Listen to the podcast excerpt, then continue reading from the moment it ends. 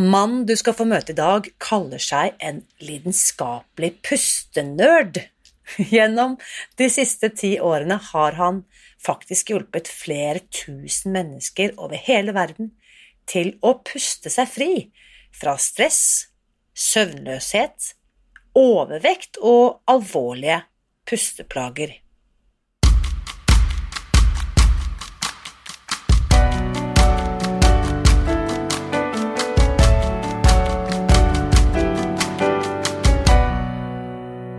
Mitt navn er Irina Li. Jeg er journalist og forlegger, gründer og sosialentreprenør.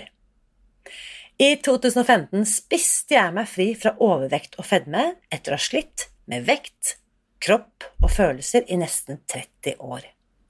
Etter at jeg fant oppskriften på å spise meg fri, ga jeg meg selv et nytt oppdrag å dele denne kunnskapen med alle som trenger det. I første sesong av denne podkasten deler jeg hele lydboken eh, Spis deg fri. Den finner du ved å bla deg tilbake til høsten 2019. Og hver uke inviterer jeg nå gjester som gir deg påfyll til hodet, hjertet og magen. For min visjon er å endre Helse-Norge, og det får jeg ikke til alene.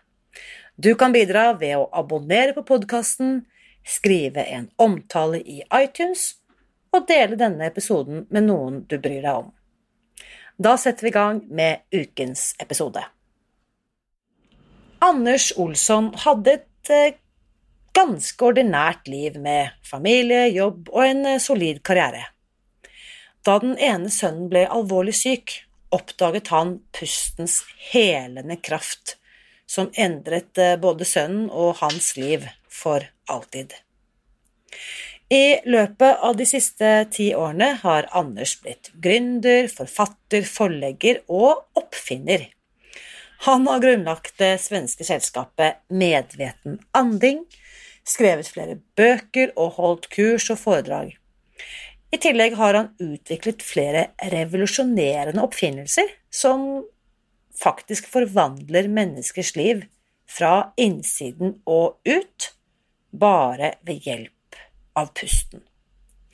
Hans visjon er å bidra til at verden blir et mer kjærlighetsfullt sted, ved at hver og en av oss blir mer bevisste på vår egen pust. Og før jeg skal slippe til Anders, så skal jeg lese opp en tilbakemelding fra Nina, som ble veldig begeistret etter å ha hørt episode 44, hvor jeg snakket med en av Norges fremste eksperter på overvekt og fedme, nemlig Samira Lekal. Nina skriver For en episode! Tusen takk til deg, Rina, som gjør denne livsviktige kunnskapen tilgjengelig for oss. Dagens episode gjorde meg både rørt og optimistisk. Og tusen takk til Samira Lekal for at du stilte opp, skriver Nina. Utrolig lærerikt og fin samtale. Her gledes. Og her må jeg bare si, Nina, tusen takk til deg, og jeg er helt enig. Samiras engasjement på dette feltet gir virkelig grunn til optimisme og håp. Da er vi i gang. Så takknemlig for at du kunne være med på ukens podkast, Anders Olsson. Takk for at jeg fikk være med. Varmt velkommen. Og bare for å gi full disclosure, vi møttes nå for første gang for tre minutter siden. Ja. Og det er Vi ser hverandre på Zoom, men vi sitter jo Er du i Sverige, eller hvor er du hen? Ja, Stockholm. Ja. Og jeg er i Oslo. Og eh, første gang jeg hørte om ditt navn, det er just presis en uke siden. Ok. eh, eh, men siden har jeg hørt på deg og om deg hver dag, så nå, nå føler jeg at eh, du snakker med en fan. ok.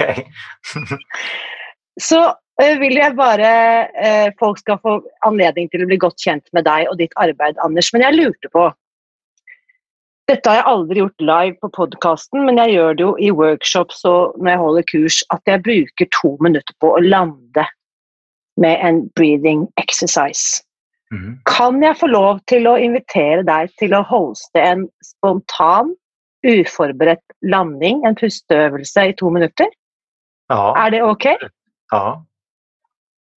Så bare gir vi folk liksom uh, from the get-go something to try. Ja, absolut. Tusen takk. Så det jag jobbar med då, medveten andning eller bevisst pust på norsk, är ju inte egentligen så mycket om olika övningar utan det handlar mer om ett förhållningssätt, en insikt om vad som kännetecknar bra pustevanor och eh, då pratar jag om sju olika goda vanor som vi då så ofta som möjligt ska försöka tillämpa i vår vardag. De här ungefär tusen pusterdrag vi tar varje timme. Men det hindrar ju inte att man gör olika övningar ändå såklart. Så om vi bara då tänker oss att vi, om vi sitter upp, att vi sträcker på oss lite så att vi har en rak rygg. Då blir det lättare för pusten att nå ner i magen. Och får jättegärna sluta ögonen. Om du vill kan du lägga en hand på magen och en hand på bröstet. Och så bara följer du din pust in och ut. Och så noterar du om du pustar högt upp i bröstkassen eller lägre ner i magen.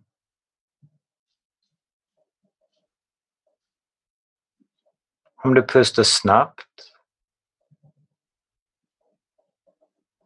eller långsamt.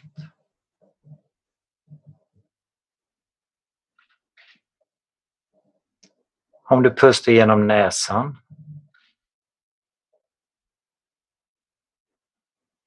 eller genom munnen.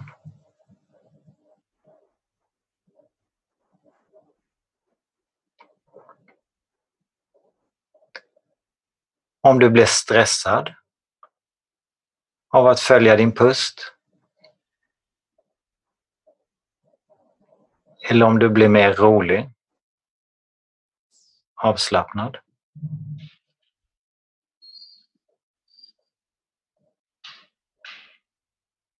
Notera om din pust är rytmisk eller om den är mer orytmisk.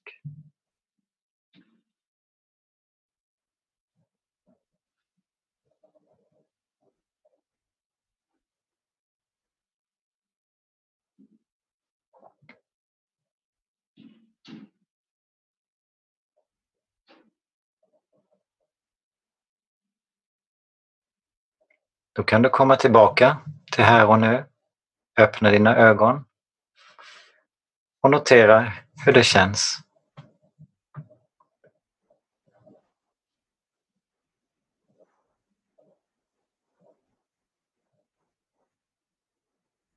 Dette var akkurat som bestilt. Tusen takk. Eh, og da har jo folk, om ikke de har skjønt det før, fått en følelse av hva denne episoden skal handle om. Ja, just det.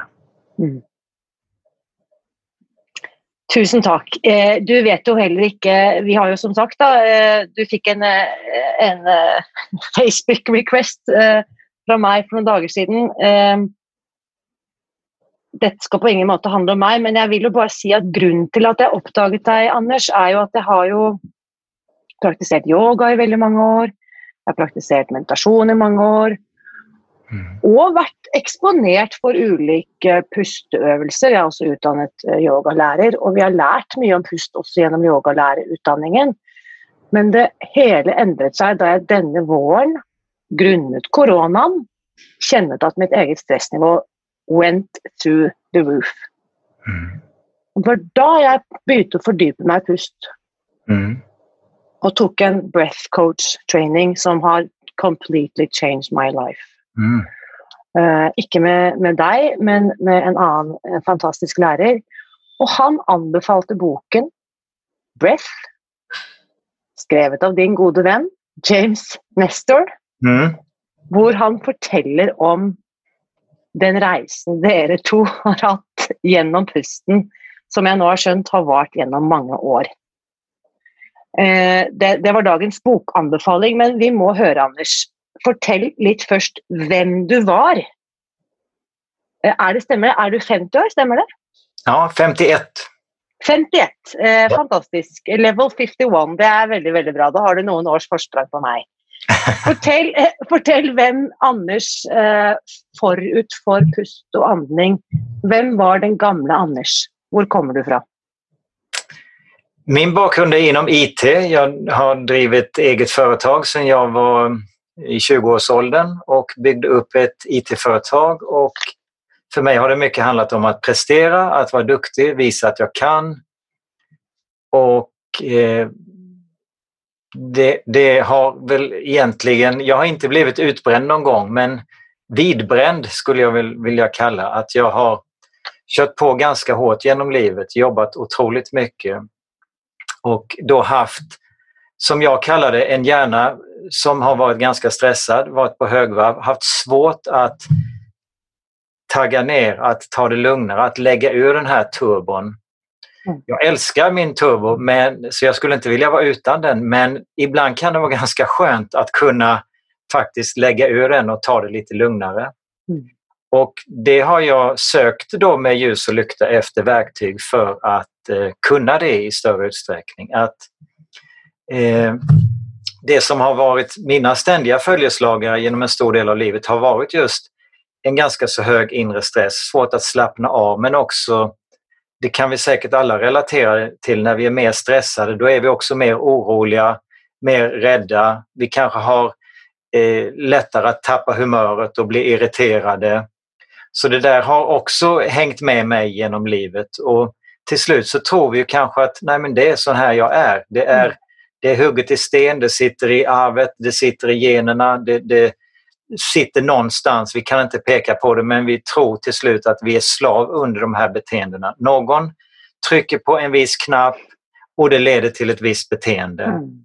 Eh, och det som får, Jag känner mig igen i allt det du beskriver och jag kan ju skriva under på att då är vi två av samma slag.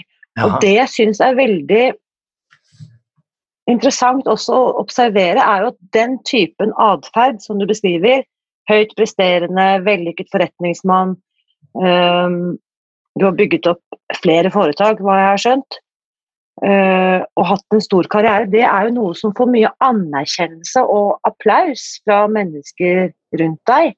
Mm. Från kanske både, uh, vad vet jag, offentligheten och också kanske många som vänner och familj. Att liksom, ja, Anders gör det så bra, han gör karriär, han tjänar massa pengar. Så att denna, vad ska vi säga, känslan som jag har på insidan och det som blir anerkänt utifrån ofta är helt motsatt. Ja. Nej, men det jag upptäckte var ju att när man väl hade nått det man drömt om, det man siktat på, eh, framgång, så, så insåg jag att ja, men, jaha, var det inte mer än så här. Det fanns en tomhet inom mig att det är ju på något sätt det är de yttre sakerna som eh, räknas i dagens samhälle. Men det, det, det, det, det är inte bestående. Jag kan köpa en ny bil och så kan jag vara jättelycklig över den i en vecka eller två eller tre men sen, sen behöver jag fylla på med något nytt, eh, yttre. Men däremot den här inre resan så hela samhället har ju fokus på tillväxt och det är yttre tillväxt. Ju. Men inre tillväxt är ju ännu häftigare. Det, det är den största resan som jag har påbörjat då som jag upplevde att andningen hjälpte mig i väldigt stor, eller pusten, andning på svenska då, att den hjälpte mig eh, hitta dit i större mm. utsträckning. Du har säkert hört att det längsta halvmetern i världen går från hjärnan till hjärtat. Precis, ja. ja.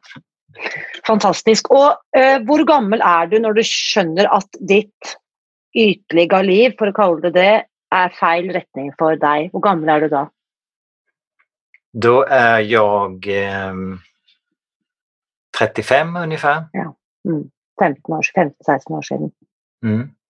Och vad sker då? Eh, jag har ju hört historien i boken till eh, James, men berätta Eh, vad, vad gör du då när du finner ut att det här, detta är inte helt som jag vill ha det?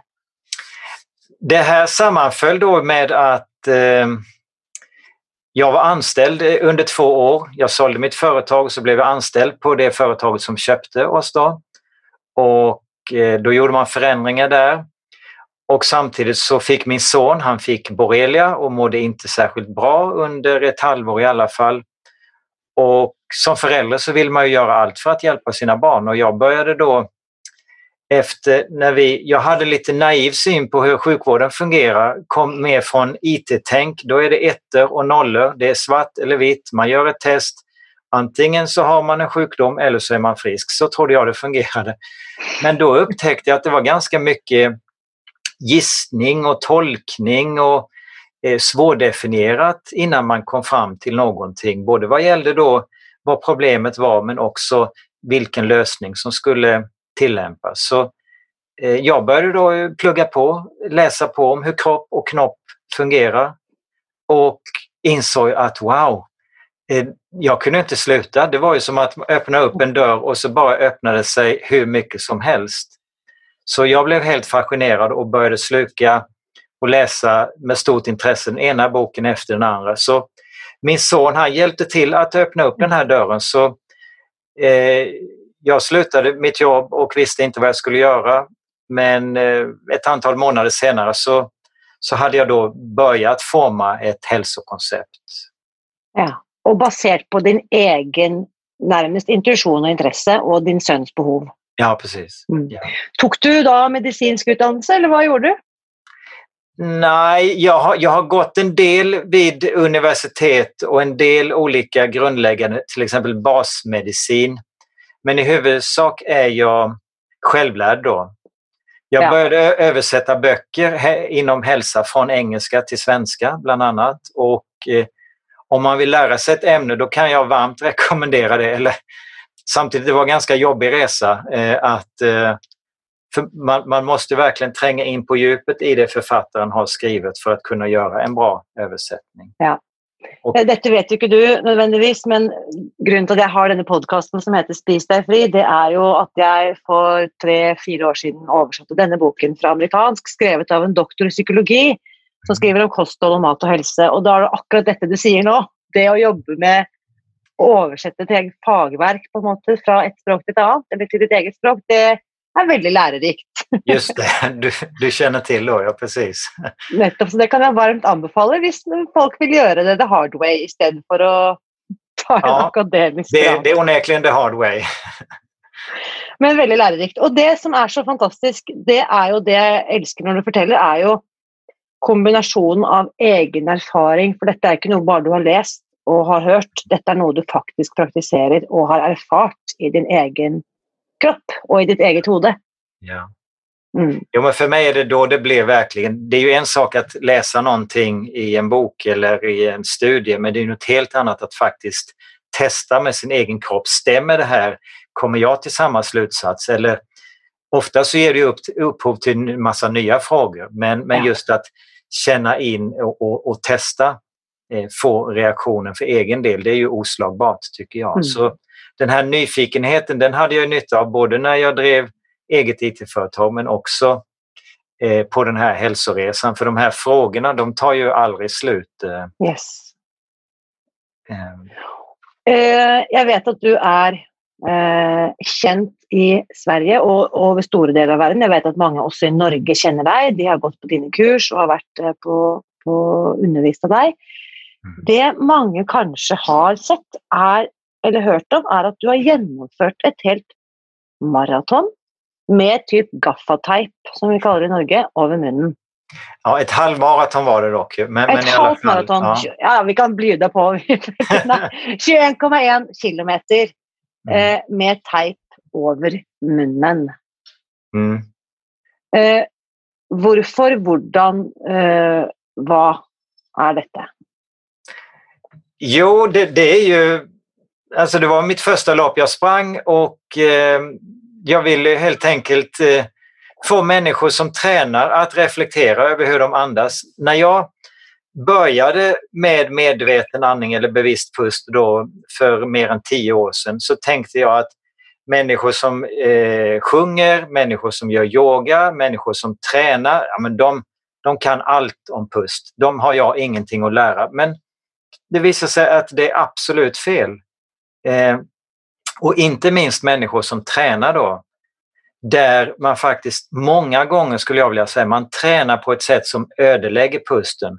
Om jag går till gymmet och så lyssnar jag på hur de andra pustar när de lyfter sina vikter och grejer. De pustar och stånkar och stönar alltså, och då det, det är en, en väldigt kraftigt försämrad pust.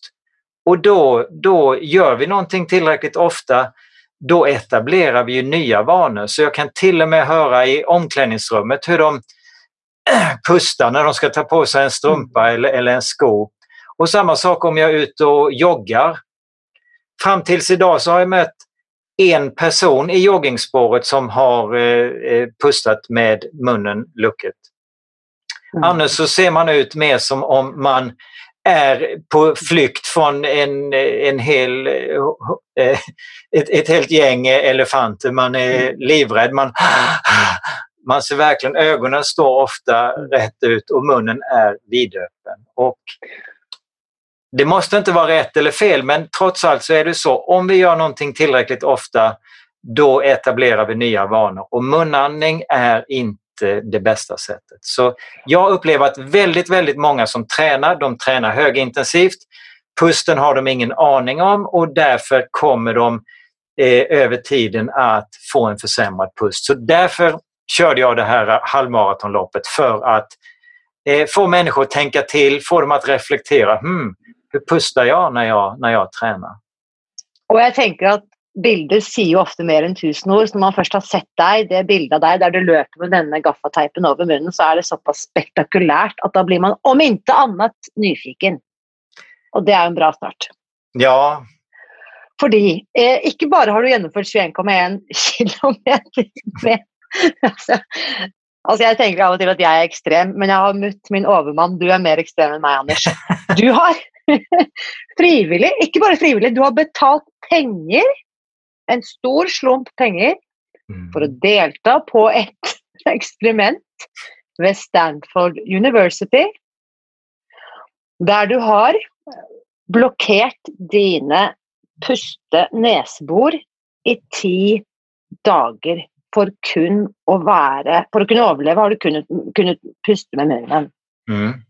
Dette eksperimentet gjør du sammen med din kompis James, som han beskriver gjennom eh, mange mange sider i denne boken. Mm. det høres ut som frivillig tortur, men fortell, du som faktisk har levd inni denne kroppen, som har vært behandlet på denne måten, hva var greia? Hva var hensikten här? Så när James frågade om jag ville vara med i den här studien så sa jag nej, det vill jag inte, men jag kan inte tacka nej. Jag var alldeles för nyfiken. Så det var inget jag längtade efter, efter att ha eh, levt med, med, pust i många år och verkligen försökt pusta på ett bra sätt och eh, upplevt alla fördelar så var ju det här att göra det omvända då, att eh, och, och, verkligen dra det till sin spets. Så eh, det var ingen kul upplevelse att ha tio dagar och tio nätter och bara andas genom munnen. Så det som blev allra mest påverkat det var ju sömnen. Och det vet vi alla. Har vi någon natt där vi inte har sovit, då är vi inte smartast dagen efter. Vi är inte mest kreativa. Vi kanske hamnar i mer konflikter. Vi kanske äter sämre mat och så vidare. Så det var ju precis allt det där som hände för mig. Så eh, Jag ville ju inte gå och lägga mig till slut för jag visste att det här kommer att bli en jättejobbig natt. Jag, jag sov oroligt. Vi, vi mätte ju vårt snarkljud och vi filmade oss på natten. Och man såg ju hur man vände och vred på sig. Och mm. Jag vaknade ju fem, sex gånger kanske varje natt och var tvungen att gå upp och kissa. Eller, eh, och när, på morgonen då kände jag mig jättetrött. Munnen var torr som en öken. Och, men sen efter ett par dagar då började jag ändå få energi trots att jag hade sovit jättedåligt, trots att jag kanske bara hade sovit några timmar. Och då insåg jag att det var ju adrenalinet som kickade in jag kände igen det så extremt tydligt från mitt eh, förra liv. Jag, jag kommer ihåg vid flera tillfällen jag lagade lunch till exempel, eh, hackade lite sallad och det var nästan så att jag behövde räkna. Få se nu, är mina fingrar en, två, tre? Jo, de är kvar. För att jag hackade så snabbt som om att mitt liv hängde på det ungefär. Att jag var väldigt adrenalin, eh, vilket vi kunde se också när vi mätte på Stanford då. Vi mätte ju olika, till exempel adrenalin. Ja, för denne... Ja, fortell. Ja. Beklagar. Mm. Nej, nej, sockersuget, det, jag, jag började mäta flera dagar innan studien så att jag noterade på en skala från 1 till 10 hur är mitt sockersug och det är också något som jag är väldigt bekant med den här stressen jag haft tidigare, det har också funnits ett ganska stort sockersug. Och så har det försvunnit då i takt med att jag har blivit lugnare och förbättrat min andning. Men det där sockersuget det var ju på en etta fyra dagar innan studien och sen ett par dagar in i studien. Men de fyra sista dagarna så var det mellan sju och åtta. Vilket innebar att eh, sista fyra dagarna åt jag glass och eh, choklad varje dag. Sista två dagarna eh, åt jag pizza och drack en öl. Och jag dricker numera väldigt sällan alkohol. Och jag kan lova, hade jag fortsatt studien då hade jag, det hade blivit det hade blivit eh, glass, godis, pizza, öl varje dag. Det fanns ingen konsekvensanalys. Det var verkligen så att eh, den där pizzan är min. Ge mig den. Den ska jag ha. Ta inte den ifrån mig. Ungefär så. As if your life depended on it. Ja, precis så var det faktiskt. Mm. Och jag blev dum, alltså eh, ett par helt ofattbara som jag, det fanns en park eh, 100 meter bort. Och efter att ha bott där då i det här området i en vecka så, och varit i parken ganska många gånger så lyckades jag gå vilse när jag skulle gå hem. Jag visste knappt var jag var. Alltså det var flera tillfällen när jag var verkligen dum. Och det, det, det är ju för att jag inte får syre till hjärnan. Mm.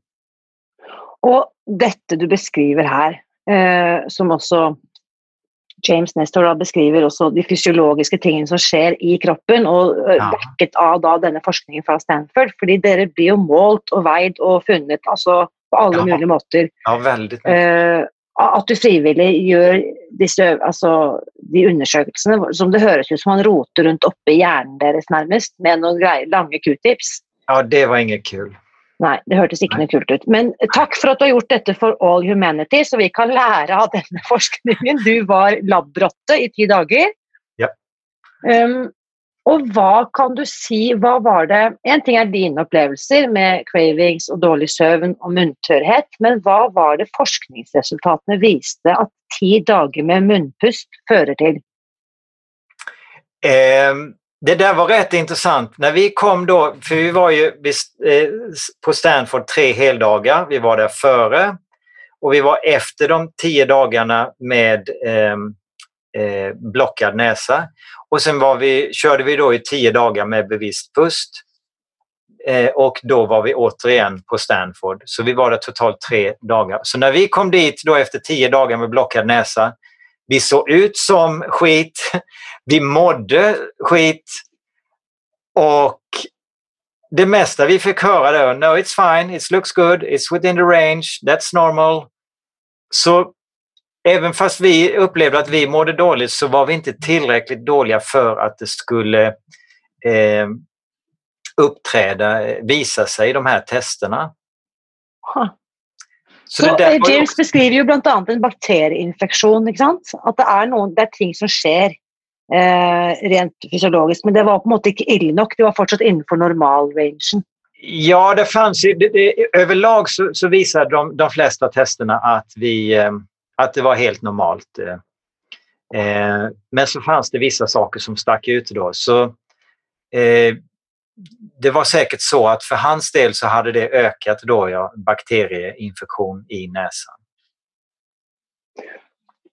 Du är ju då, kommer in i detta experimentet, detta sker hösten 2018, stämmer det? Ja, ja.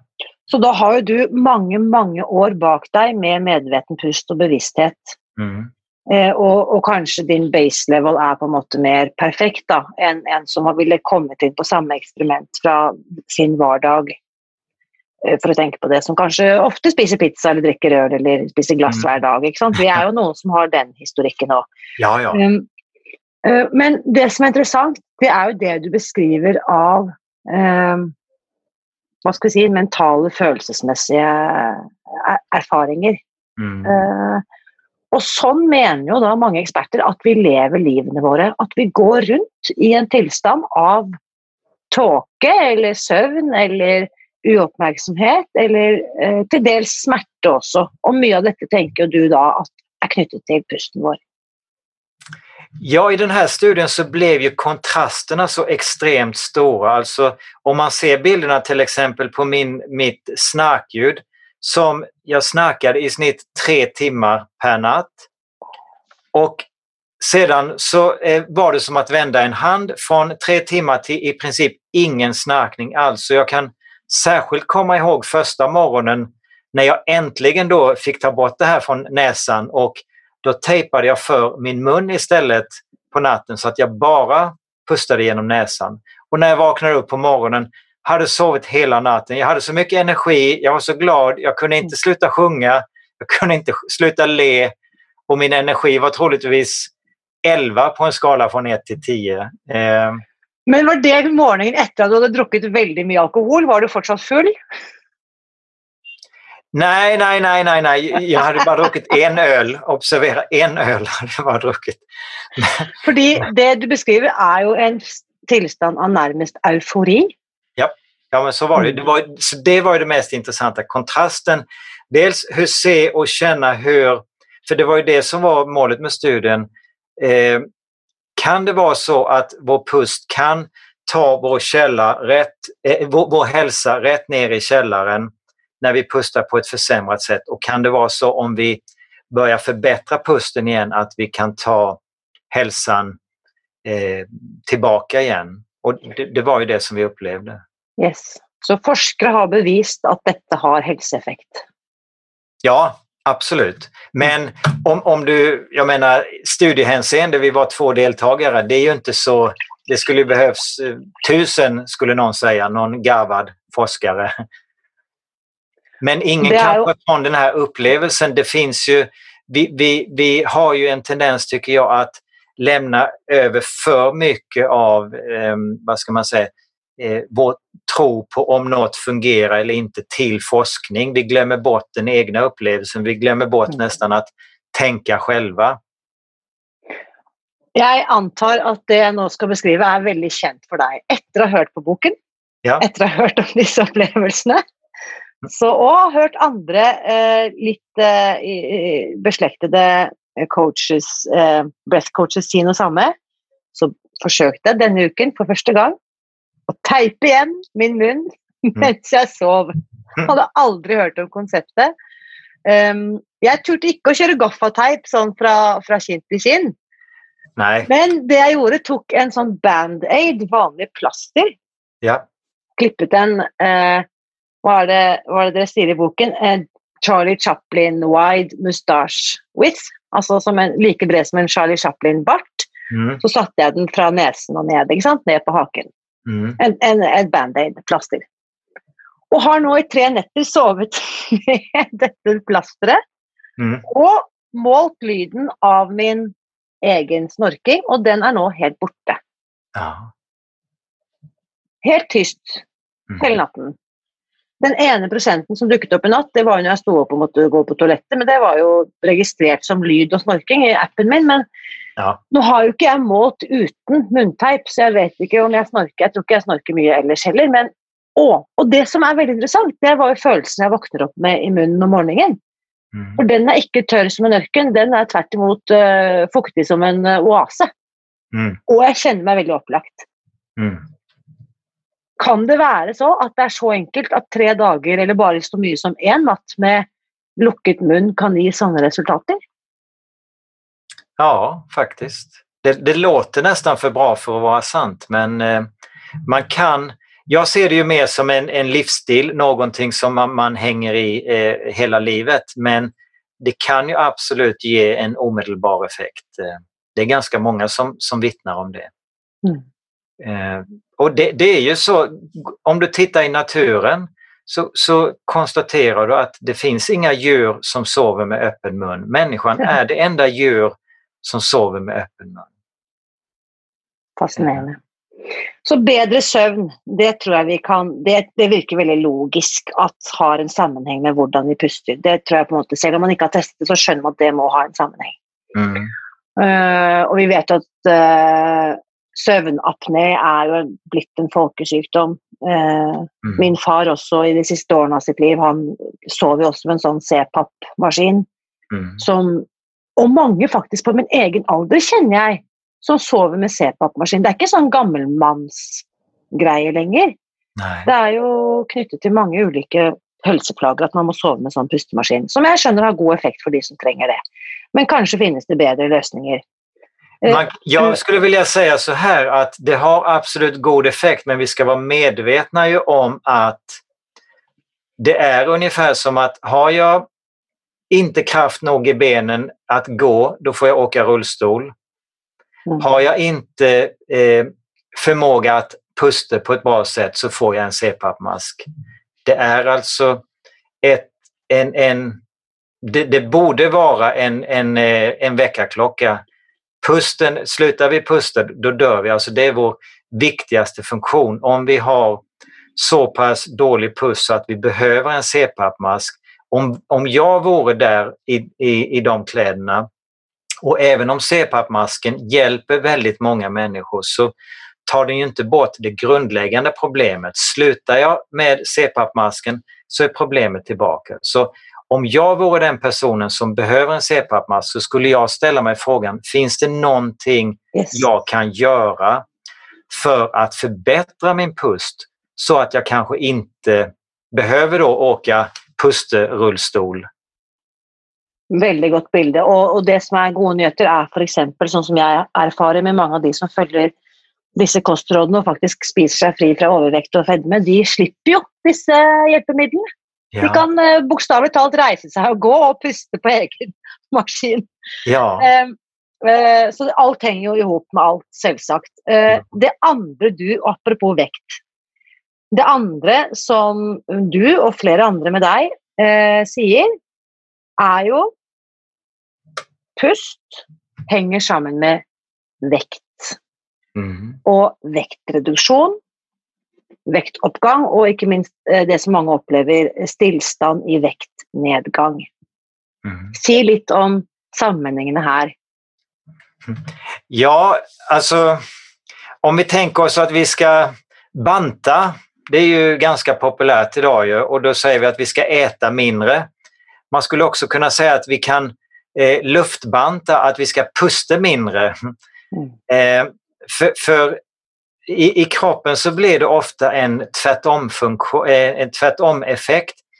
Många av oss har tendens att pusta lite för mycket och det kan vi göra både när vi pustar genom munnen men vi kan också göra det, pusta för mycket när vi pustar genom näsan. Och då tänker man kanske att då, då får vi in mycket oxygen och det är bra, oxygen behöver vi, men i kroppen blir det en tvärtom-effekt. Oxygenet kommer till lungorna, det kanske kommer till blodet, men det kommer inte vidare ut i cellerna, i musklerna, hjärtat, hjärnan.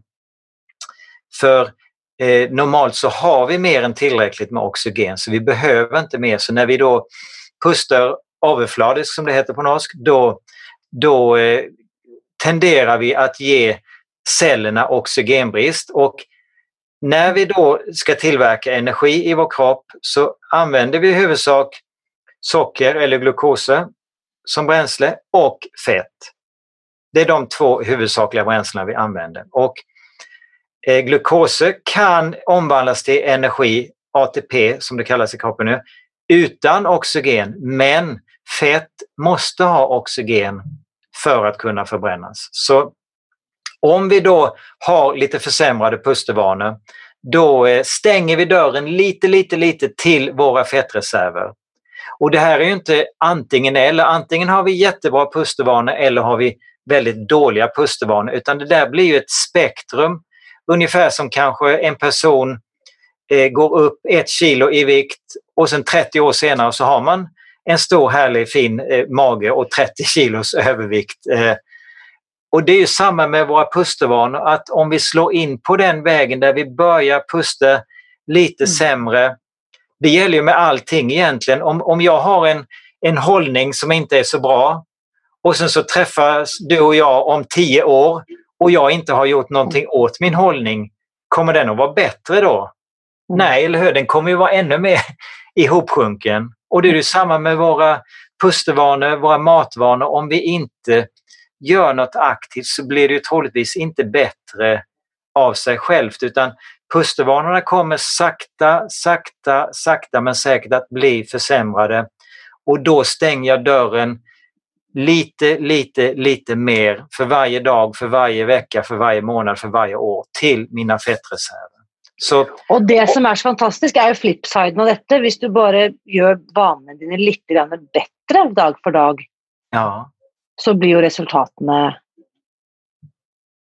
men jag avbryter, jag beklagar. Fortsätt. Nej, nej, nej. Så, så om jag då eh, tycker att jag skulle vilja gå ner lite i vikt så kan ju, det finns ju många olika sätt att göra det. Men om jag inte också samtidigt adresserar min pust, då blir den här resan, tror jag, mycket jobbigare. Om jag samtidigt då som jag gör olika förändringar, jag kanske börjar träna mer eller jag börjar spisa annorlunda.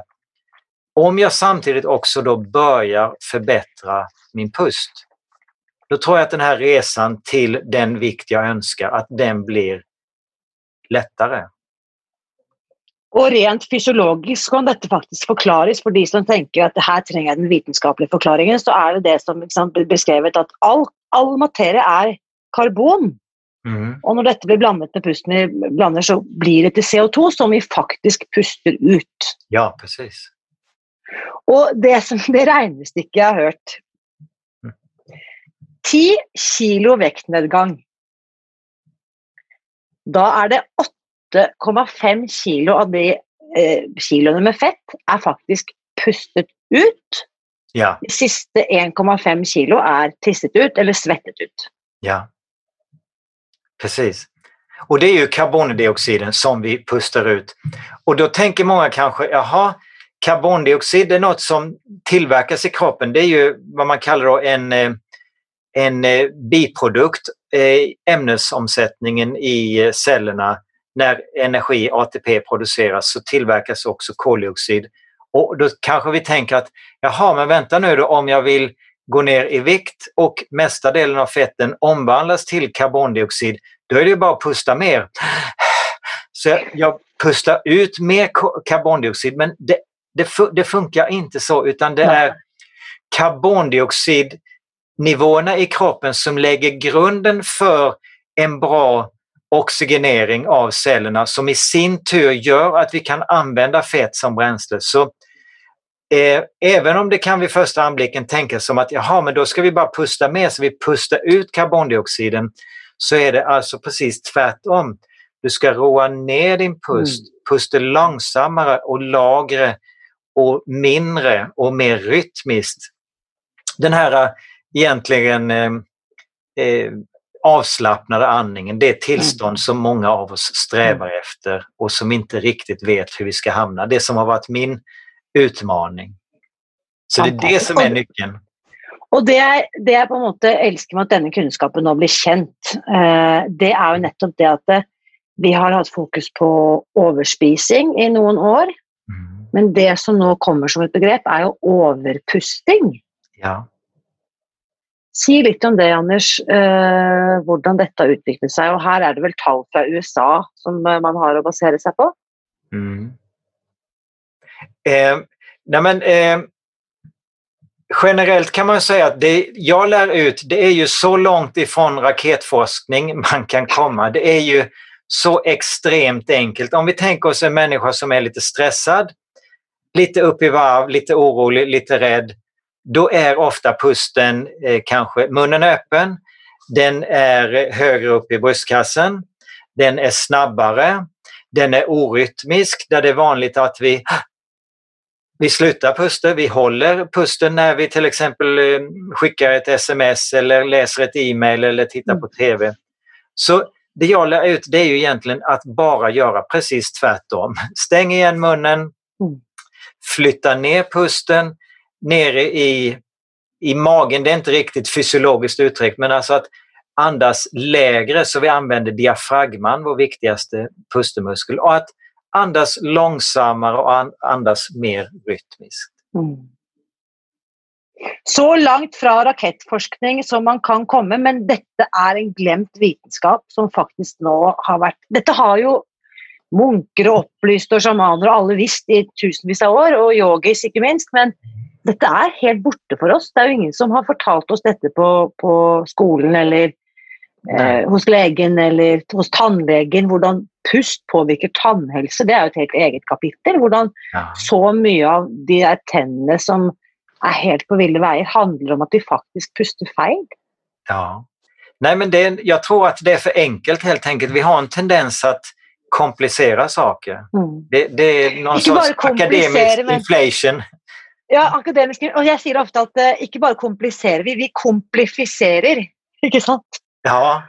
För att göra det ännu mer komplicerat. Och det är akkurat det som är det jag älskar med det ni undervisar i är att uh, keep it simple. Just det. Och så vill jag toucha in på en ting som i alla fall på mig i min pusteresa från huvudet och ner i magen um, har varit väldigt värdefullt. Och det är ju nettopp reconnection to spirit. Du snackar om det också, inte sant? Respiration. Mm.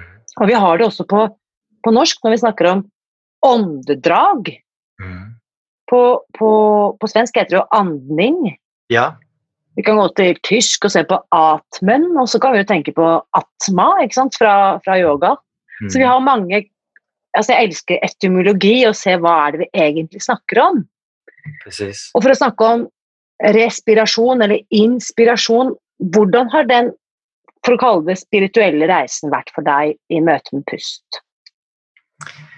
Ja, det är väldigt intressant eh, när du beskriver här olika ord och i, i språket kan vi ofta tolka en djupare betydelse av olika saker. Och om man tänker sig, för att knyta an till det vi pratade om innan, att många av oss vi pustar överfladiskt, vi, vi pustar för mycket, vi pustar högre upp i bröstkassen. Och en anledning tror jag det är helt enkelt att mycket av våra rädslor och oro, det har vi lagrade i magtrakten.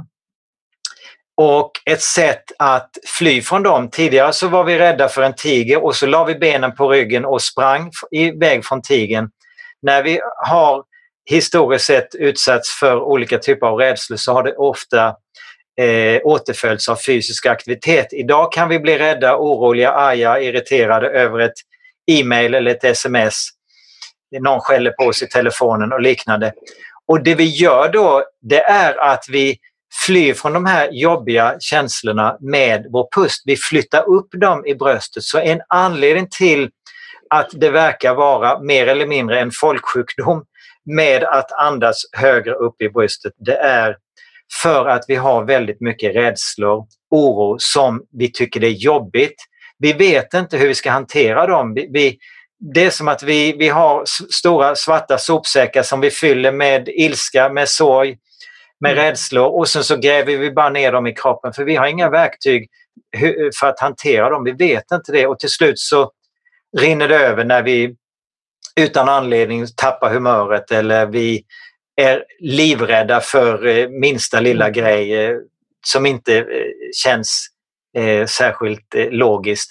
Och i min värld då när det handlar om spirituell och andlig utveckling så är det väldigt mycket förknippat med personlig utveckling. Att jag är lite vänligare mot min granne eller jag fattar lite klokare beslut i min vardag.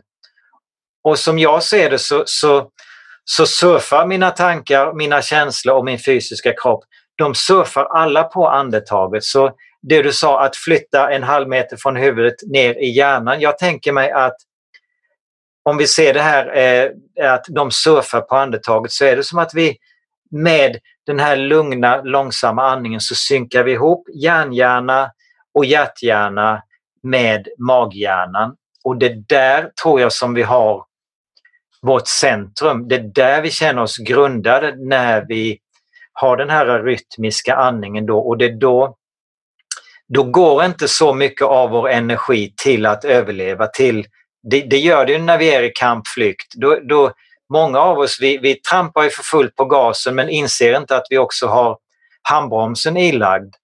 Så vi kommer dit vi ska men det går åt väldigt mycket resurser. Mm. Så mycket tycker jag egentligen det handlar om, det kokar ner till energi.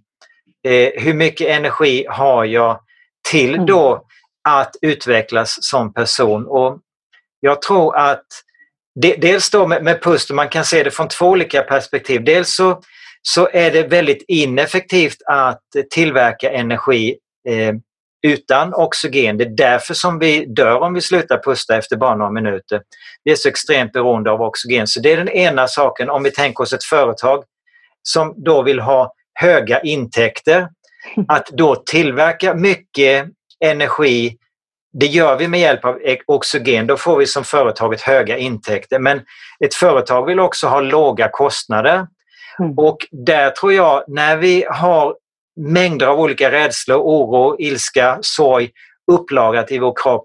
Det är enorma energitjuvar. Det drar massa energi så vi alltså mm. har höga kostnader och när vi då börjar pusta roligt och långsamt och eh, mer med diafragman ner i, i magen, då, eh, då kommer vi i kontakt med de här jobbiga känslorna och har möjlighet att faktiskt eh, bli, bli, bli av med dem eller att eh... og ja, ja, jeg syns du også beskriver det så utrolig godt eh, på, på, din eh, nettside. Hvordan du forteller at du selv er blitt mer modig. Ja. Mm.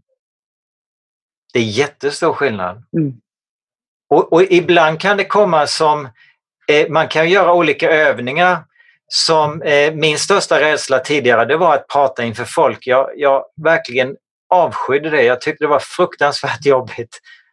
Och eh, då gick jag en kurs där vi eh, gjorde just något som kallades fobikuren och då var jag kommer ihåg hur, hur, kraftigt jag pustade då för att helt enkelt våga vara kvar i den här jobbiga känslan.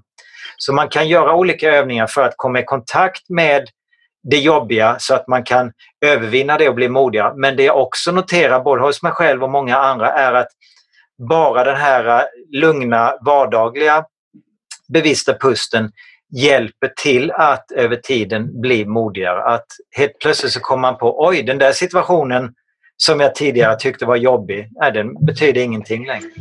Men det var som en yogalærer sa, hjernen er så dum, så den skjønner ikke fake it eller make it. Så hvis du bare puster som om du er rolig, så tenker hjernen at ja, men da kan jeg slappe av. Det, det her, jeg overlever dette. Så det er Precis. Ja. Eh, Anders, jeg vet at du skal spise lunsj. Jeg skal spise lunsj. Det er jo livsviktig. Vi må huske å puste, men mhm. eh, vi må også huske å spise godt. Hvordan spiser du? Jeg er bare nyfiken. Jag brukar säga att jag spiser allting, eh, men inte så mycket, när jag tittar på min tallrik, när jag tittar på då det jag äter så är det eh, inte särskilt mycket rött kött. Eh, det är mer fisk och mer eh, vegetariskt. Ja. Inte så mycket snabba kolhydrater eh, som eh, eh, pasta till exempel. Nej dricker gör jag. jag en av böckerna jag översatte heter Your body's many cries for water. Pratar ju då om att det är viktigt att dricka vatten. Så sedan dess, det är ju nu 15 år sedan, så dricker jag i princip bara vatten. Ja, då är vi två. Jag dricker i princip okay. bara vatten. Av och till fyllt på med lite sån te. Ja. Teblader, men that's it. Eh, väldigt intressant. Eller med bobler. Så när folk ska skåla i bobler så hämtar jag fram eh, boblevann. Ramlösa har också mycket gott vatten. Men, för, för bara det här med spisevanor, jag försöker också ha en avslappnad attityd. Om det är så jag går på en restaurang eller är i, i något sällskap och det inte bjuds det som jag skulle önska, ja men då, då gör jag ingen stor grej av det. Jag ja. tror att många, många människor vi lägger för stor vikt vid, vid stress, eller vid maten. Vi, vi, vi satsar på 100% men då blir det så stor stress för oss så att eh, den kalkylen går inte ihop. Det kostar mer än det smakar. Då. Och det var ju lite det vi snackade om för vi började, att uh, imperfection is good enough. Yes, mm. precis. Det håller jag helt med om.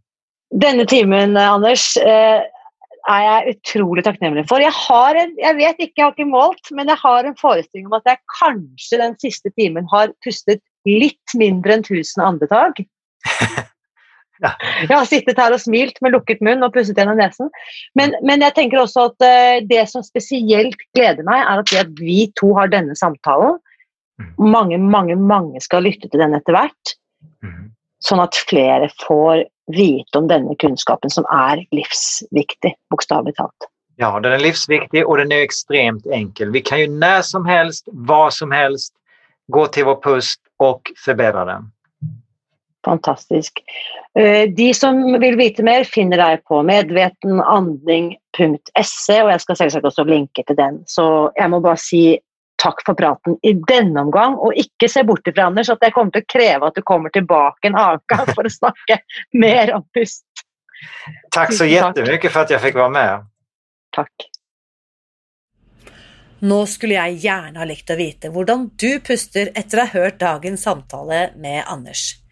Bli gjerne med i den åpne Facebook-gruppen vår for denne podkasten, som du finner ved å søke på Spis deg fri, og legge igjen en kommentar. Jeg kan også avsløre at etter vår samtale så ble jeg så inspirert at jeg meldte meg på en instruktørutdannelse med Anders. Og selv om jeg har studert og praktisert pust i flere år, og selv om jeg allerede er utdannet yogalærer og sertifisert breath coach, så har jeg innsett at jeg fortsatt har veldig mye å lære på dette feltet. Och till hösten så kommer jag också till att vägleda ett litet antal personer till att bli bättre kjent med egen pust genom 28 dagar baserat på de principerna och kunskapen som eh, Anders har eh, lagt grundlaget för. Så om du har lust till att bli med på det, så finner du mer information på nettsidan min irinali.no skråstrek pust. Heldigvis är det länge til høsten, for først er det sommer, og nå tar jeg faktisk ferie. Det betyr at denne podkasten også tar seg fri i et par uker, og det syns jeg egentlig at du også burde gjøre i løpet av sommeren. Neste episode kommer helt i slutten av juli. Da skal du få møte en fastlege som har fått en helt ny tilnærming til overvekt og fedme etter at hun selv oppdaget Spis deg fri. Så kom tilbake hit til podkasten søndag 26. juli. Jeg lover deg en knallstart på tredje sesong av denne podkasten. Og hvis du har hørt noe i dagens episode som du syns var interessant, tankevekkende, provoserende eller engasjerende, så skriv en omtale av podkasten i iTunes, eller del dagens episode i sosiale medier. Da bidrar du nemlig til at flere kan oppdage pustens helbredende kraft. Mitt motto er jo at gode nyheter er skapt for å deles. Og hvis du har lyst til å hjelpe meg med det, så del i vei. Husk også at jeg heier på deg. Ett pust om gangen. God sommer!